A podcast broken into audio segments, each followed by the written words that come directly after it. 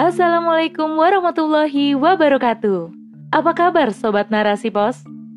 Kembali lagi bersama saya Giriani di podcast Narasi Pos. Narasipos.com Cerdas dalam literasi media, bijak menangkap peristiwa kunci. Rubrik Opini.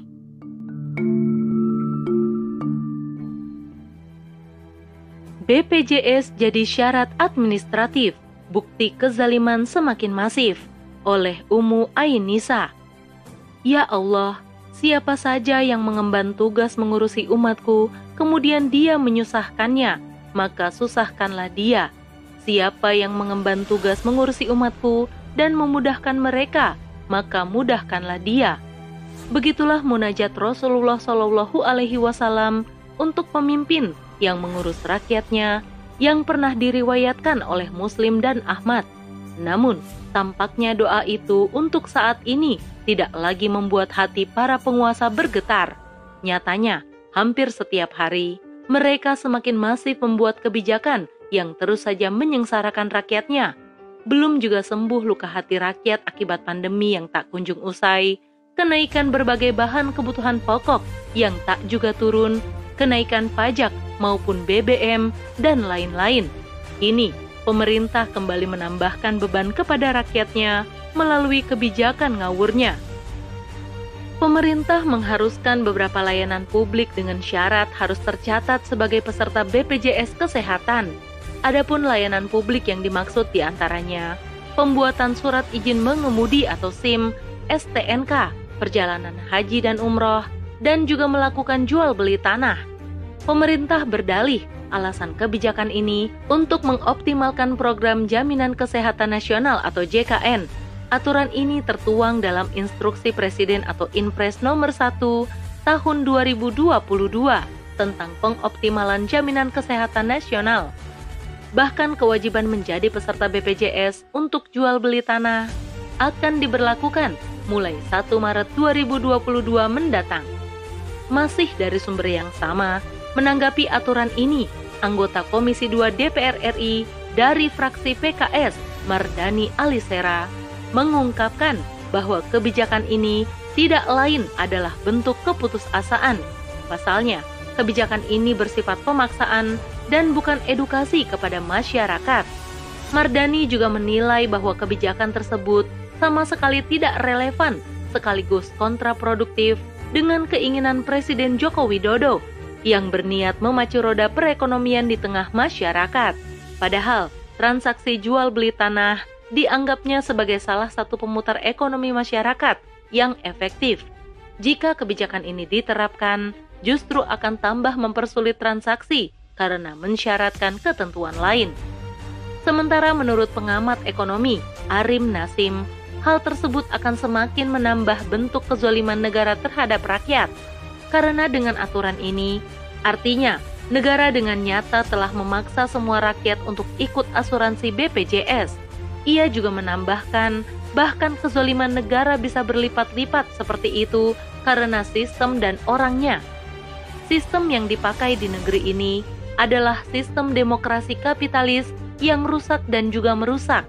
Sementara pelaksana sistemnya juga sudah tidak punya hati nurani, suka berbohong, khianat, zolim, dan hanya mengabdi kepada kepentingan para kapitalis ujarnya kepada media umat.id Ahad 20 Februari 2022. Tidak dimungkiri, peran pemerintah dalam sistem kapitalisme bukan lagi mengayomi seluruh rakyat, melainkan mendapatkan manfaat dari rakyat sebanyak-banyaknya. Kapitalisme memosisikan kesehatan bukan dalam perspektif pelayanan, tetapi perspektif tukang dagang kesehatan dijadikan sebagai komoditas dagangan, sehingga rakyat diharuskan membiayai sendiri kesehatan mereka, seolah dalam pandangan kapitalisme ini, menyubsidi kesehatan justru sebagai pelanggaran. Ironisnya, penguasa pun turut mencari keuntungan dalam bisnis kesehatan ini. Pemerintah secara bertahap telah melepaskan tanggung jawabnya dalam penyediaan layanan kesehatan bagi rakyat bermula dari pengalihan tanggung jawabnya kepada BPJS, menjanjikan berbagai manfaat dan kemudahan pelayanan, kemudian menaikkan iuran BPJS secara pelan-pelan. Setelah itu, muncul kebijakan penghapusan kelas dalam BPJS, dan kini rakyat yang belum tergabung dalam kepesertaan BPJS mau tidak mau dipaksa untuk bergabung melalui program pengoptimalan jaminan kesehatan nasional ini. Maka jelaslah, semua kebijakan ini tidak lebih dari kezoliman penguasa. Terlebih sejak awal konsep BPJS ini sudah keliru karena membebani rakyat untuk menanggung kesehatan dirinya dan pihak lain dengan membayar iuran secara permanen yang sewaktu-waktu bisa dinaikkan, baik dia sakit maupun tidak. Bahkan tidak sedikit terungkap bagaimana buruknya BPJS dalam mengatasi permasalahan kesehatan, mulai dari defisit anggaran, banyaknya rumah sakit yang menunggak, serta berbagai masalah lain yang berkaitan dengan pelayanan kesehatan. Sementara di dalam Islam, kesehatan merupakan hak seluruh warga negara yang wajib dipenuhi oleh negara.